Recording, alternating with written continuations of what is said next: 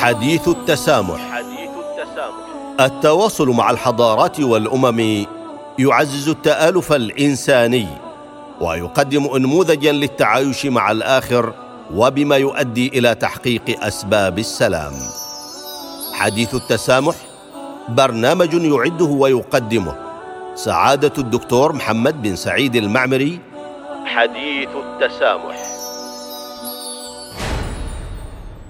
الحمد لله والصلاة والسلام على رسول الله وبعد السلام عليكم جميعا ورحمة الله تعالى وبركاته أعزائنا المستمعين والمستمعات لهذه الإذاعة إذاعة الصمود مرحبا بكم في حديث التسامح نكمل في هذه الحلقات ما تطرقنا إليه في حلقات سابقة من جوانب مهمة تتعلق بتعزيز ونشر القيم الإنسانية المشتركة ومنها قيم التسامح سنلقي الضوء اليوم في هذه الحلقة على دور اللغات العالمية في بناء الحضارات وتعزيز التسامح والتواصل بين الشعوب.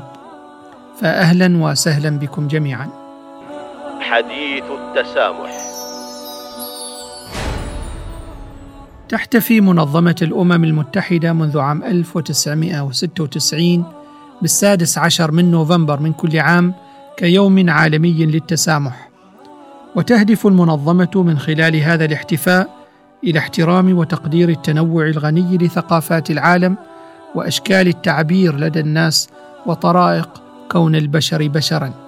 وتأتي اللغة في مقدمة أشكال التعبير لدى البشر. حديث التسامح. للغة تعريفات ومفاهيم عدة فاللغة كوسيلة للتواصل لم تعرفها كتب اللغويات فحسب بل شارك في تعريفها كتب علم الاجتماع وعلم النفس وغيرها. ومع تطور العلوم وتشعبها ظهرت للغة تعريفات أخرى في كتب الاقتصاد والتجارة والتنمية البشرية مثالا.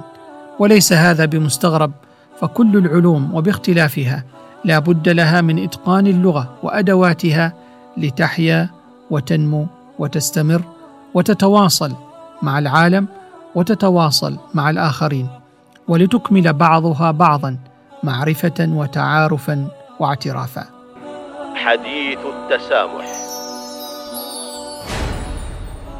ومن أبرز تعريفات اللغة ما جاء في معجمي لسان العرب والوسيط أن اللغة أصوات يعبر بها كل قوم عن أغراضهم.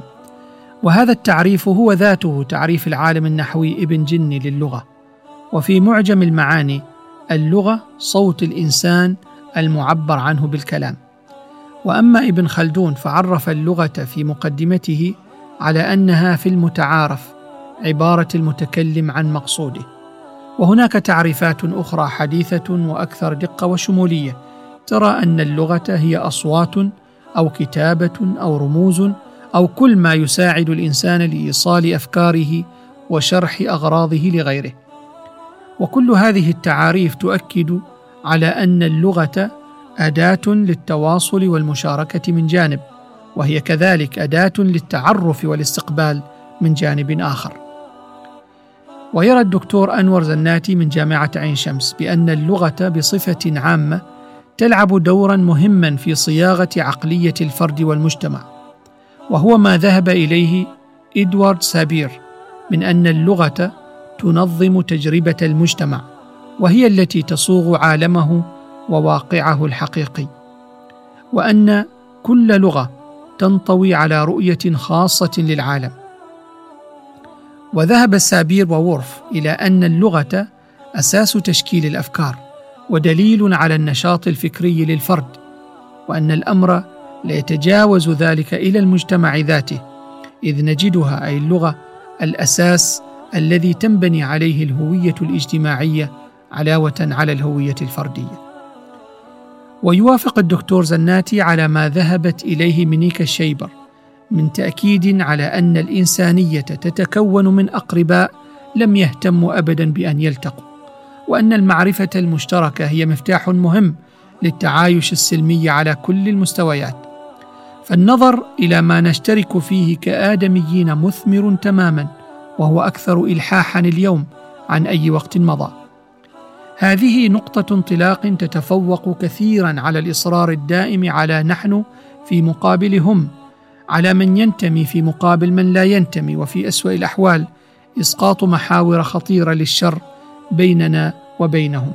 حديث التسامح. فاللغة لها خاصية إنسانية ترتبط بالإنسان دون الحيوان ولذلك عدها ويليام ويتني مؤسسة اجتماعية واللغة كائن حي. وكلما اتسعت حضارة أمة نهضت لغتها وسمت أساليبها وتعددت فيها فنون القول ودخلت فيها ألفاظ جديدة عن طريق الوضع والاشتقاق والاقتباس أو الاقتراض للتعبير عن المسميات والأفكار الجديدة. فتحيا هذه اللغة وتتطور عبر الزمن وتتلاقح مع غيرها من اللغات. ويؤكد الدكتور أحمد بن عمار من جامعة أدرار بأن الحضارات البشرية سلسلة متصلة الحلقات تأخذ كل منها عن الآخر. ولا يمكن أن تنفصل هذه الحلقات وإلا لوقف المسار المعرفي وانتهى إلى حيث ينتهي التواصل بين هذه الحضارات. فالحضارة التي استقلت بمفهومها استقلالا تاما ولم تعتمد على غيرها أو تتفاعل مع غيرها من الحضارات السابقة لها واللاحقة عليها هذه الحضارة لم تولد بعد لأنه قد ثبت أن جميع الحضارات التي عرفها الإنسان استفادت من الحضارات الأخرى وأفادت تلك الحضارات. ولا ينقص من شأن أية حضارة أن تستفيد من الحضارات السابقة عليها زمنيا. باعتبار أن طبيعة التطور الحضاري للجنس البشري تتطلب ذلك. وما قيل يوما ما إن استفادة الحضارة اليونانية من الحضارة الشرقية القديمة أمر يقلل من شأنها. وكذلك ما قيل إن استفادة الرومان من الحضارة اليونانية قد انتقص من شأنها.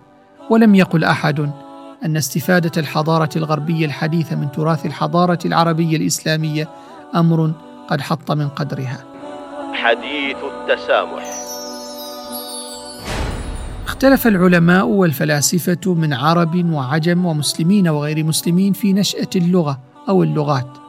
فقد قال علماء الدين من مسلمين وأهل الكتاب أن اللغة هبة الله إلى الأرض وهبها آدم. وقد اختلف معهم في هذا علماء آخرون وكل بأسبابه وحججه فظهرت بذلك نظريات عدة لا يسعفنا ذكرها في هذا البرنامج تتعاطى مع سؤال نشأة اللغة.